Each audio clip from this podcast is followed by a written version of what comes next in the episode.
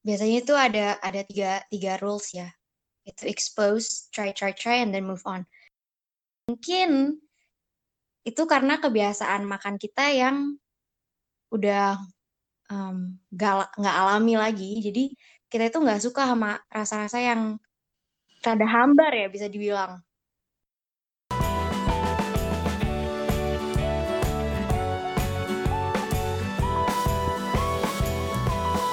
Hai, gue Willy Yonas.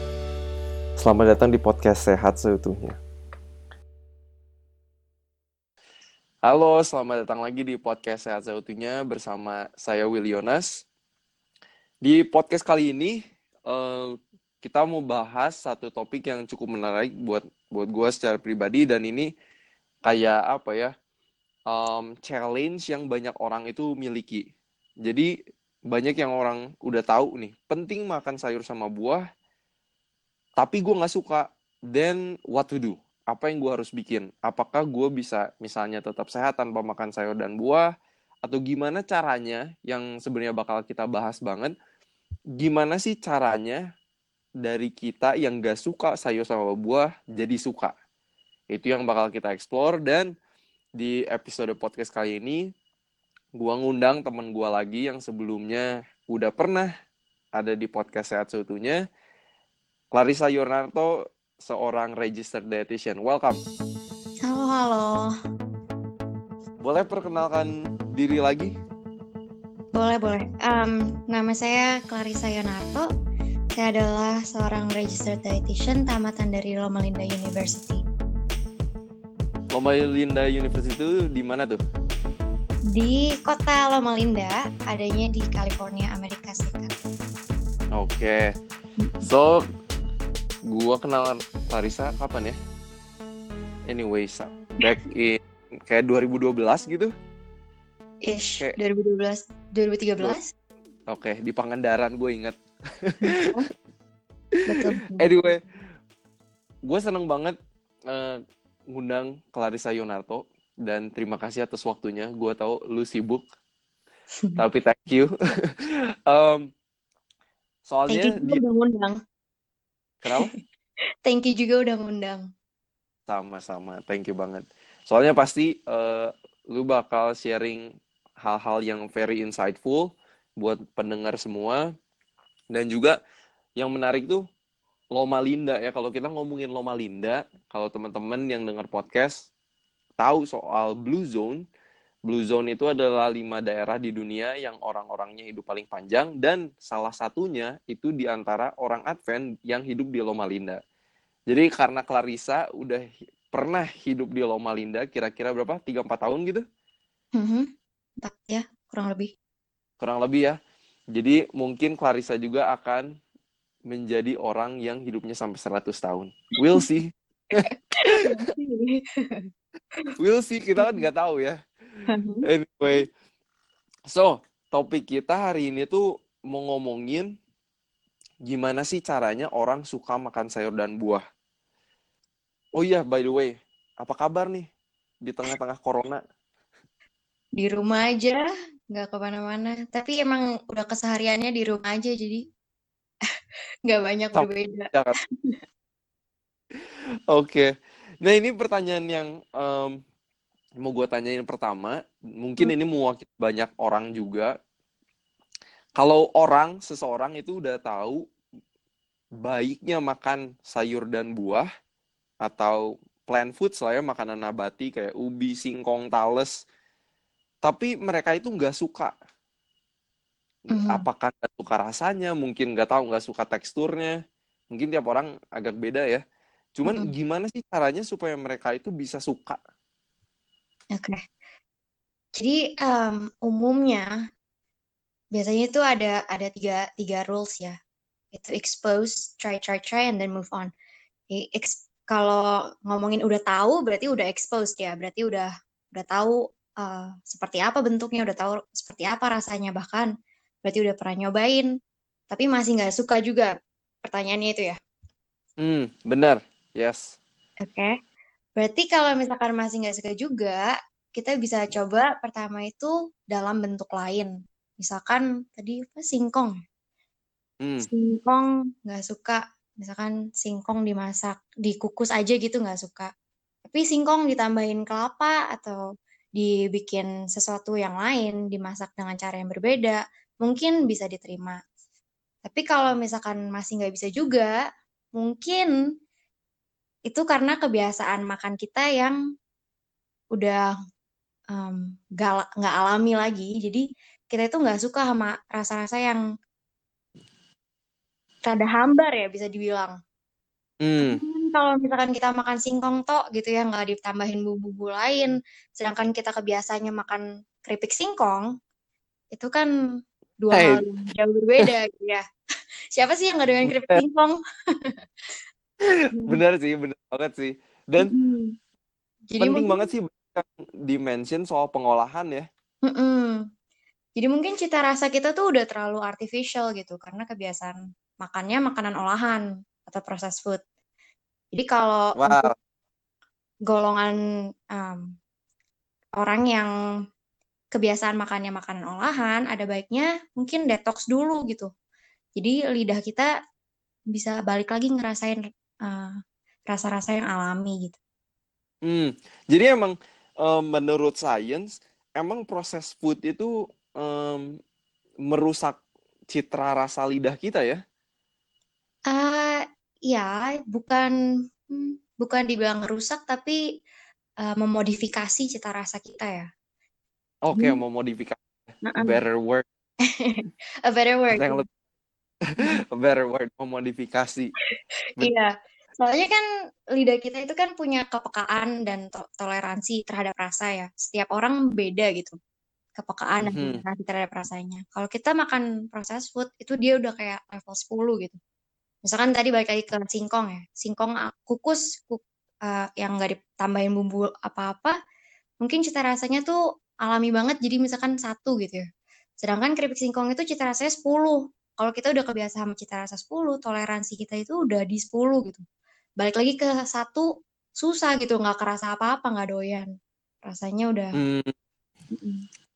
udah beda. Nah itu kalau misalnya ngomongin rasa di lidah kita gitu ya, Mhm. eh,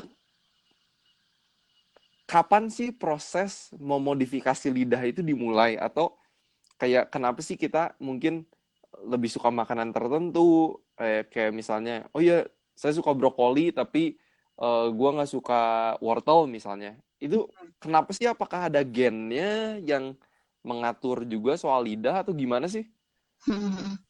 Jadi seberapa peka lidah kita terhadap suatu rasa, rasa asam, rasa manis, rasa pah- pahit, rasa asin atau umami itu memang ada faktor genetikanya di belakangnya. Jadi Hmm, makanya itu setiap orang punya selera yang berbeda ya. Karena memang ada faktor genetik di belakangnya. Tapi seperti semua hal yang berbau genetik, kepekaan rasa kita juga itu bisa dilatih dan lagi-lagi dimodifikasi. Jadi tergantung kebiasaan kita. Misalkan kita lebih peka sama rasa rasa pahit gitu ya. Jadi kalau makan pare mhm. tuh, aduh pahit banget gitu karena kita peka banget sama rasa pahit. Tapi kalau orang lain yang nggak terlalu peka sama rasa pahit, mungkin pare eh nggak terlalu pahit biasa aja. Ya, jadi kalau untuk orang yang lebih peka dengan rasa pahit, mungkin mereka bisa mulai pelan-pelan. Jadi mereka bisa melatih cita rasa mereka gitu. Mungkin nggak langsung makan pare mentah gitu ya. Parenya di Oke. garemin dulu gitu supaya rasa pahitnya berkurang. Nah, mulai pelan-pelan, oh rasa pahit sedikit, rasa pahit tambah tambah lagi, tambah lagi, tambah lagi, sampai akhirnya kita tuh bisa toleransi gitu sama rasa pahit. Wah, menarik juga. Berarti emang apa ya harus ada juga keinginan di orang itu untuk mencoba. Betul, betul. Heeh. Jadi itu balik lagi ke tiga rule tadi ya. Expose kalau kita nggak pernah ke expose sama suatu makanan atau suatu hal, pada umumnya itu lebih susah untuk kita terima kan. Tapi kalau Bener. kita udah ke expose, kita nggak mau nyoba, ya sama aja bohong. Jadi kalau pertama kita mau ada ada exposure, kayak gitu kita mau nyoba kayak gitu. Iya, iya, iya, benar. Hmm. Ini menarik sih kalau ngomongin soal selera atau lidah ini. Mhm. Kalau kayak biasanya yang buat orang cukup sensitif itu kan durian ya. Ya, itu bau ya. Kayak, well, oke, buat gue itu wangi. Ya Iya, itu maksudnya. Right, exactly. Kayak nggak tau, lu suka durian nggak? suka suka. Biasa Oke aja suka. sih, Oke, biasa aja sih, nggak kayak big fan of it, tapi biasa aja. oke netral ya. Aha. Nah kalau gua suka banget sampai kayak waktu itu di Malaysia juga ada all you can eat durian, Ya, I bayar cuma lima cuma lima belas ringgit gitu kan kayak kalau dirupiahin kayak cuma lima puluh ribu lah. Terus all you can eat dan buat gue suka banget tapi eh, ada temen orang eh, Argentina pas di US terus dia cobain durian gitu kan Mhm. dan buat dia tuh rasa durian itu kayak rotten onion kayak eh, bawang bombay yang busuk gitu. kayak gue tuh kayak ah seriusan gitu kan kayak buat gue tuh enak banget dan manis banget gitu Mhm. itu menarik juga ya itu tuh apakah karena mereka nggak pernah diekspos kali ya Bisa. Dan ada juga hasil penelitian gini, Will. Tiga kali nyobain, itu kita akan lebih eh, mungkin menerima suatu rasa. Jadi mungkin dia pertama kali nyoba, ya ampun, rasanya kayak apa tuh? Bawang busuk ya? Bawang busuk. Iya. Nah, nanti kalau misalkan dia nyoba lagi gitu sampai tiga kali, mungkin waktu keempat kali dia makan, rasanya akan bisa berbeda. Jadi mungkin karena memang nggak pernah ke expose, tapi juga ada mungkin butuh proses penyesuaian sama ras sama rasa durian. Oke, berarti take away yang pertama sebenarnya kalau kita nggak suka sayur sama buah, Mhm. at least kita harus coba Mhm. dan kalau bisa kalian cobain tiga kali ya. Betul, cobain paling nggak tiga kali. Dan ya be creative gitu. Kalau misalkan kita nggak suka, misalkan tomat ya, jus tomat gitu kita nggak suka. Ya udah coba bentuk lain gitu, bentuk lain dari tomat. Misalkan tomat dipotong-potong gitu aja, atau tomat dalam masakan gitu kan itu beda-beda. Jadi Benar. banyak hal yang bisa kita Di di hide di hide gitu ya kayak tomatnya kayak bisa di hidden. kamuflase. Ben, bener sih. Gue tuh tadi ngomongin soal singkong jadi inget juga singkong kalau di Indonesia kan biasa ya bisa dikukus aja Mhm. atau enggak bisa ditambahin kelapa sama gula eh, merah jadi getuk ya kan. Tapi waktu itu ada temen orang Cuba, kalau di Cuba itu ternyata singkong itu dimasak eh, jadi asin, pakai bawang, pakai apa gitu, dan Ya pengen ditumis. enak gitu. Kalau iya kayak ditumis dan kayak wow buat buat gue tuh kayak enak loh ternyata gitu. Jadi eh, gue makan singkong mau manis, mau netral, mau asin itu enak gitu. Bener-bener. So bener harus dieksplor kan. Iya, iya. Aku juga kan nggak nggak doyan ya sama pepaya. Struggle ya, gimana struggle-nya. Jadi memang belajar makan buah dan sayur itu tuh salah satu yang personal banget buat aku ya. Soalnya dulu itu nggak doyan banget sama sayur dan buah ya. Jadi waktu tahu sayur dan buah itu bagus, ya mulailah nyobain. Ya udahlah, eh it's not so bad. Rasa-rasa sayuran gitu yang biasanya ngeliat aja udah males gitu kan. Um, not so bad. Jadi ya kenapa enggak gitu? Udah tahu kan baik buat kesehatannya. Um, nah, salah satu struggle yang paling besar itu masih di pepaya nih, masih belum bisa makan. Tapi lagi itu, eh, biasa kan makan pepaya itu buah matang gitu kan ya. Tapi pepaya Iya. yang mentah itu aku bisa banget makan. Jadi that's how I justify for myself. Kayak, ya udah gue bisa makan pepaya, tapi pepaya yang mentah, pepaya mengkel. I see itu yang bisa kayak jadi pepaya salad juga kan, Mhm. Iya, betul betul. yang warnanya kayak putih gitu. Iya kayak hijau kekuningan, kayak mangga mentah gitu, mirip-mirip gitu Oke, warnanya. I see, I see. Iya. Dan oh iya, ini penting juga sih eh, buat orang untuk eh, nggak tahu paham ya mungkin secara dari secara nutrisi dan gizi. Hmm. Let's say kayak eh, Clarissa nggak suka pepaya, Mhm. tapi misalnya oke, tapi nggak sukanya tuh cuman pepaya dan suka buah-buah yang lain. Mhm. Eh, is it okay untuk nggak suka satu macam buah atau kayak kita tuh wajib banget untuk suka semua gitu? No, no, no, no. Nggak harus, nggak harus suka semua macam sayur, nggak, nggak harus suka semua macam buah. Rasanya nutrisi kita udah udah bisa apa terpenuhi gitu ya, gizi kita udah bisa terpenuhi. Soalnya di dunia ini banyak banget sih jenis sayur dan buah, ratusan bahkan ribuan ya. Jadi tahu aja enggak gitu gimana bisa suka semua macam sayur dan buah gitu kan. Tapi setiap sayur dan setiap buah itu mereka punya keunikan masing-masing ya. Jadi semakin banyak kita makan sayuran uh, macam sayur dan buah akan semakin banyak keuntungan yang bisa kita dapat gitu. Karena ada aja gitu zat-zat yang unik di setiap sayur dan di setiap buah. Tapi kalau cuma hmm. suka satu atau dua ya, it's okay. Makanya tadi juga di tiga rules itu ada faktor move on ya. Gak perlu dipaksa gitu. Kalau misalnya kita memang udah we do everything already, udah uh, semaksimal mungkin dari dari effort kita udah kita coba segala macam cara dan lain-lain tapi masih nggak bisa juga ya udah move on aja cobain sayur yang lain gitu cobain buah yang lain right masih banyak berapa puluh mm -hmm. berapa ratus buah yang lain gitu. yep, betul. dan menarik juga sih kayak tiap minggu setiap gue belanja ke supermarket mm -hmm. dan ada aja gitu kayak ngelihat sayur macam sayur yang kayak belum pernah dimasak sebelumnya dan mena kepo gitu kayak ini rasanya gimana ya? gitu. Uh -huh. dan akhirnya kan suka beli gitu kayak uh, mungkin kayak orang nggak tahu kayak yang radish. Radish itu apa bahasa Indonesia nya ya? Yang kecil-kecil merah ya? Harusnya sih radish iya yang translate to lobak ya. Tapi yang kecil-kecil merah itu iya rada beda segrup segrup lobak lah uh -huh. ya keluarganya. Dulu tuh pas di Indonesia tuh nggak pernah tahu gitu soal itu. Tapi pas ke Amerika ya orang banyak makan itu di salad juga mm -hmm. gitu dan kayak uh, menarik sih kayak mungkin buat teman-teman yang lagi dengar kalau nanti shopping uh, apa belanja ke supermarket ke pasar tradisional atau ke mana pun coba deh beraniin diri ya untuk explore ya.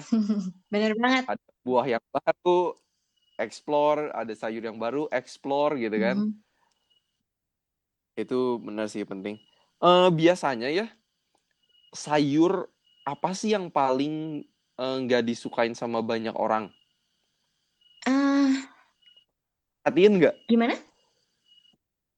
Pernah merhatiin nggak sayur apa sih yang banyak orang itu kurang suka? Uh, kalau umumnya sih kita itu cenderung menolak rasa pahit ya. Hmm. kalau udah kayak rasa pahit atau uh, bau-bauan yang terlalu kuat atau tekstur tertentu itu biasanya paling umum buat kita tolak gitu. Gak tahu ya apa ya kalau kalau di sini pare gitu, gak tahu sih. Gak juga tapi ya daun pepaya gak juga. Honestly, honestly, uh, gue juga masih punya uh, apa ya kayak paria itu bukan favorit gitu. kayak it's okay. like I can eat them, cuman kayak aku nggak akan ngambil paria pertama gitu. Kalau ada sayur bayam atau apa, paria kayaknya yang terakhir Bukan gitu. Favorit ya. Bukan favorit, exactly. Iya kayaknya yang so, mungkin yang rasa-rasanya kayak gitu deh, Will, yang terlalu pahit gitu. Pare, keluarganya pare, daun pepaya kayak gitu ya. Mungkin kalau di luar duren hmm. gitu pete pete jengkol juga itu kan mereka true. punya bau yang kuat banget ya mungkin benar acquired taste mm -hmm. ya benar benar banget um, nah mungkin ini yang selanjutnya uh, buat ibu-ibu atau orang tua ya terutama mm -hmm. sering juga sih ngelihat kayak uh, ngelihat anak-anak itu susah banget makan sayur sama buah. Mm -hmm. Nah, kalau orang tua nih pengen banget kan pastikan anaknya sehat gitu kan. Nah tapi anaknya itu nggak suka gitu makan sayur dan buah. Gimana sih si orang tua ng ngakalinnya uh, atau gimana lah pokoknya caranya untuk si anak ini bisa makan sayur dan ya. buah gitu? Uh, jadi yang pertama itu mungkin kita harus mulai dari dasar ya. Kalau yang masih punya bayi gitu. Jadi belum bahkan belum mulai makan gitu. Mungkin ini bisa diterapin dari awal banget. Kita bentuk kebiasaan gitu kan ya. Jadi dari awal. Jadi okay. perkenalkan sebanyak mungkin sayur dan buah sesuai dengan umur anak gitu ya. kalau udah bisa dikenalin sama sayur ini kenalin lah coba kasih coba atau buah ini kasih coba jadi sebanyak mungkin kasih coba ke anak berbagai macam sayur dan buah Hmm. Dan kalau anak terbiasa dengan pemandangan orang tua atau orang rumah yang suka makan. Suka makan sayur atau buah suka makan wortel. Kemungkinan besar mereka akan lebih mudah juga untuk suka makan wortel gitu. Jadi Hmm. seba semakin Jadi orang tua orang tua perlu jadi betul contoh juga ya. betul betul. Jadi contoh dan mungkin ya di include gitu anak-anak kan makan bareng-bareng gitu nggak nggak cuma Hmm. nyuruh anaknya makan wortel tapi orang tua juga makan gitu dan dan atau sebaliknya Eh sih atau enggak kayak orang tuanya nyuruh anaknya makan wortel terus orang tuanya lagi makan keripik kentang gitu kan. Iya. Atau anaknya juga kepengennya keripik kentang gitu kan kalau ngeliat ngeliat kayak gitu iya bener. Mungkin kayak ngomongin soal ini anak-anak dan ngerinya kalau ngelihat anak-anak zaman Mhm. sekarang kadang orang tua suka kayak mungkin apa ya nge- ngebolehin anak untuk makan segala macam lah ya Mhm. maksudnya kayak permen-permen dan gigi anak-anak tuh dari kecil banyak banget yang udah rusak juga walaupun gigi susu Iya. sih cuman kalau makan makanan itu kayak yang tadi pertama dibilang eh, bisa nggak sih memodifikasi rasa lidah an- si anak ini Mm-mm. Bisa banget. Jadi balik lagi em, semakin mereka ke expose sama yang baik semakin mudah mereka terima. Tapi sama juga kalau semakin mereka ke expose sama yang makanan proses ya semakin mudah juga buat mereka terima yang makanan proses gitu. Jadi mereka lebih cenderung suka yang makanan proses gitu. Kalau itu kebiasaan mereka. Dan ironisnya itu kadang-kadang eh, orang tua pakai itu sebagai suatu iming-iming ya. Kalau anaknya lagi rewel makan gitu kan misalkan makan makan sayuran ya aduh susah banget sih atau makan nasi in general susah banget yaudahlah kalau udah selesai makan nanti dikasih permen atau dikasih es krim gitu kan tapi malahan dengan Hmm. terbentuknya kebiasaan makan es krim makan permen makan coklat dan yang lain-lain itu akan semakin rewel si anak ini untuk makan nasi dan sayuran gitu. jadi baik lagi bentuk kebiasaan yang baik dan Hmm. sebisa mungkin kita jaga cita rasa alami anak gitu ya wow ini malah ini parenting tips juga ya ini iya betul Wah, kayaknya maksudnya banyak banget gitu kalau kayak suka ngeliat di Instagram eh, ngeliat gitu mama-mama yang kayak komen dan kayak gimana sih ini anak saya supaya suka makan sayur Mhm. dan buah dan berarti bener ya exposure Iya. penting banget. Terus iming-imingnya itu mungkin lebih Iya. sehat ya. Kayak misalkan aktivitas aktivitas ya? juga itu sesuatu yang anak-anak suka kok. Misalkan eh, kalau udah selesai makannya kita jalan keluar ke taman gitu kan ya. Keliling komplek bareng juga mungkin anak-anak juga udah suka buat jalan-jalan di sekitar. Hmm, dan itu akan menjadi suatu kebiasaan yang lebih baik daripada kebiasaan makan es krim kan. Benar, benar banget. Dan mungkin eh, concernnya ya eh, di processed food eh, ada apa lagi sih? Apakah kayak eh, kandungan tinggi garam, tinggi gula, ada lemak transnya? Apa sih yang concerning juga sebenarnya buat anak-anak? buat anak-anak ya Iya, dewasa juga sih. ya in general secara umum itu makanan proses itu kan lebih tinggi dari lebih tinggi uh, kandungan lemaknya, kandungan garamnya, kandungan gulanya ya. Dan juga ada zat aditif, Hmm. banyak zat aditifnya dari pengawet, perasa dan lain-lain.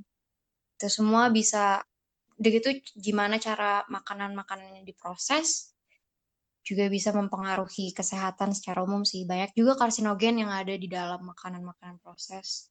Dan trans fat yang tadi Lily mention juga, Hmm. uh, itu juga salah satu yang harusnya dihindarin sih. Benar-benar dihindarin. Um, karena itu juga eventually will lead to a cars be a carcinogenic agent. Hmm. Dan ini juga yang kemarin sempat baca-baca sih.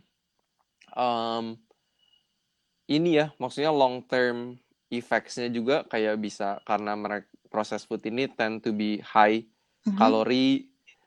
Jadi bisa anak-anak obesitas Mhm. juga. Eh, udah itu ya long term effects-nya banyak sih ya Iya. sebenarnya buat si anak tersebut. Jadi wah ini orang tua PR-nya banyak juga sih ya kalau di rumah misalnya nyetok makanan-makanan yang proses nih buat iming-iming anak-anaknya. Em, hati-hati ya. Eh, s- semoga apa ya maksudnya podcast ini juga bisa membuka wawasan.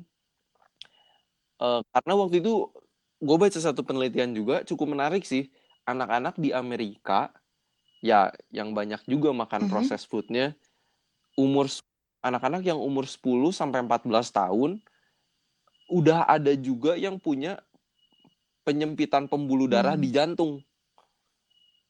Jadi kayak wow gitu kan kita kita suka pikir eh, ya penyakit jantung biasanya kena buat orang yang misalnya 40 tahun, 50 tahun, 60 ke atas lah ya. Tapi ternyata prosesnya itu semua udah mulai dari kecil dari ya makanan-makanan proses food atau makanan-makanan yang gak sehat yang orang tuanya izinkan anaknya Mhm. untuk Ya makan itu ya. bener banget sih trennya sekarang udah ganti. Tadinya penyakit orang tua jadi penyakit anak muda ya 20-30 itu umum banget em, di sekitaran umur 20-30 dan sekarang juga udah turun ke anak-anak gitu ke level anak penyakit anak-anak. Iya Mhm. benar banget sih. Kemarin kebetulan eh, pernah main juga ke puskesmas ngobrol sama orang-orang puskesmas di Bandung. Terus puskesmas kan eh, melakukan cek kesehatan juga nih Mhm. di sekolah-sekolah di Bandung. Dan surprisingly mereka udah nemuin anak SMA yang umur 15-16 tahun itu udah hipertensi. Iya. Jadi kayak wow, kayak seriously gitu kan.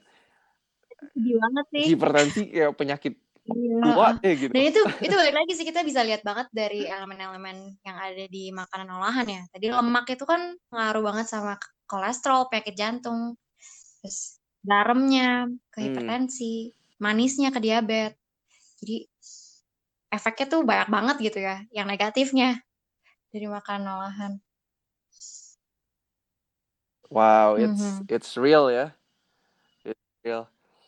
Oh iya, untuk tadi ngomongin juga keinget satu hal lagi em, soal rasa lidah si anak an- anak kecil. Kemarin sempat eh, ngebaca juga sih penelitian kalau ternyata apa yang ibu makan Hmm. pas lagi hamil ternyata itu juga sudah bisa mempengaruhi Mhm. lidah si anak. Betul betul.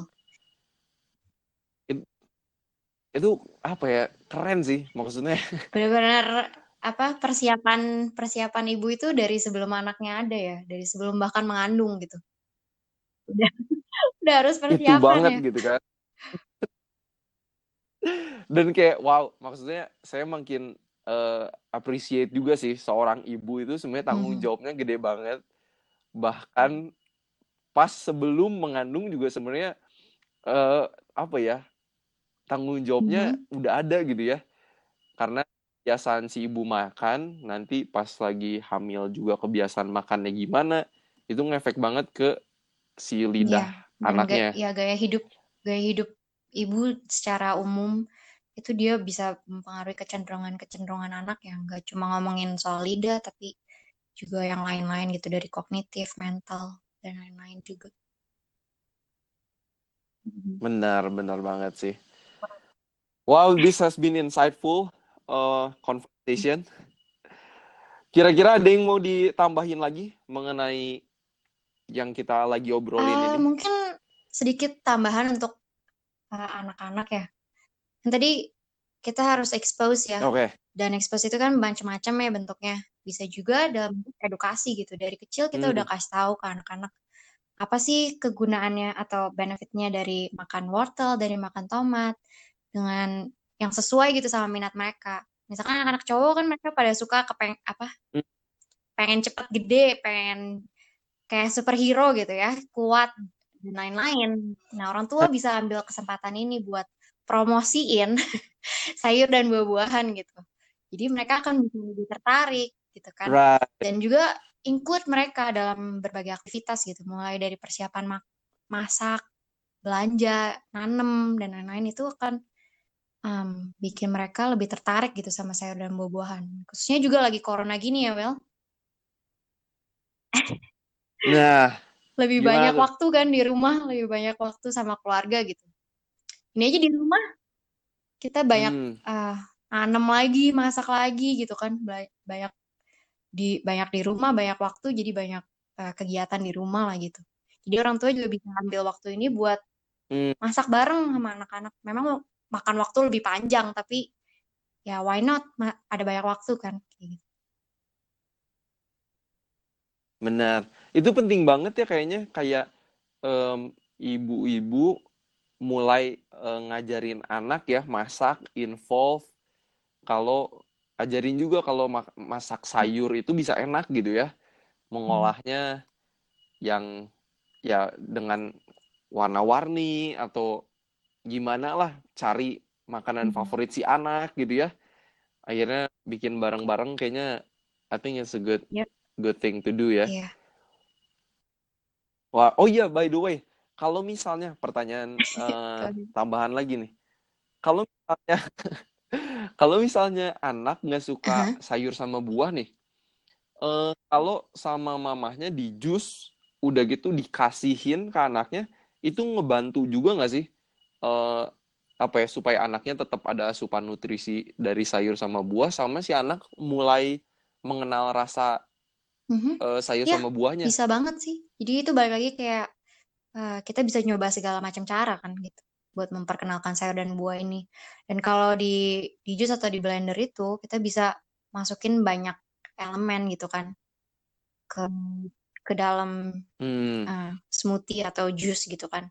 Sayuran lah, dicampur buah lah, atau dicampur sedikit yang anak nggak doyan, brokoli kayak atau apa gitu. Ditutupin sama rasa yang mereka doyan dan lain-lain gitu. Kalau tapi kalau misalkan kita terus-terusan kayak gitu, anak juga nggak akan gimana ya kenal dengan baik gitu. Misalnya dia dia kebiasa sama sama satu jus gitu yang ada brokolinya di dalamnya, tapi kita bahkan nggak bisa ngerasa si brokoli ini gitu. Ya nggak tahu kapan bisa see, suka I brokoli ya kalau kayak gitu gitu kan. Berarti nggak ada exposure sama rasa brokoli gitu. Hmm, oke. Jadi at some point tetap harus diperkenalkan sama real thing-nya ya, Ya, maksudnya brokolinya benar. gitu ya. Harus diperkenalkan. Dan mungkin juga Wow. orang tua bisa ambil faktor move on ini juga.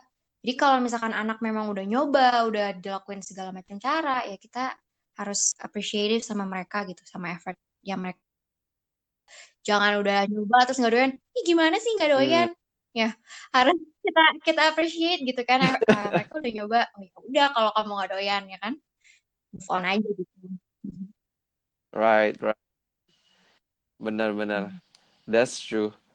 Eh, untuk menutup, em, waktu itu baca juga eh, Riskesdas 2018 di Indonesia yang menunjukkan kalau hanya 4,6% penduduk Indonesia itu Mhm. cukup makan sayur buahnya.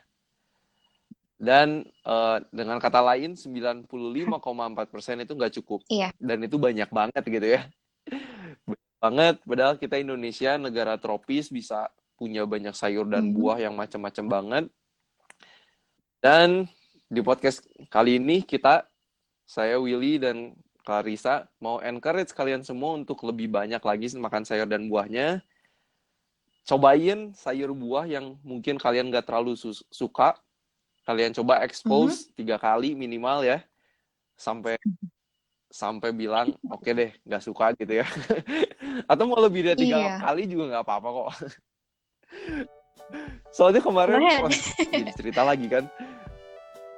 Kemarin tuh baru baca Mhm. soal daun kelor atau moringa.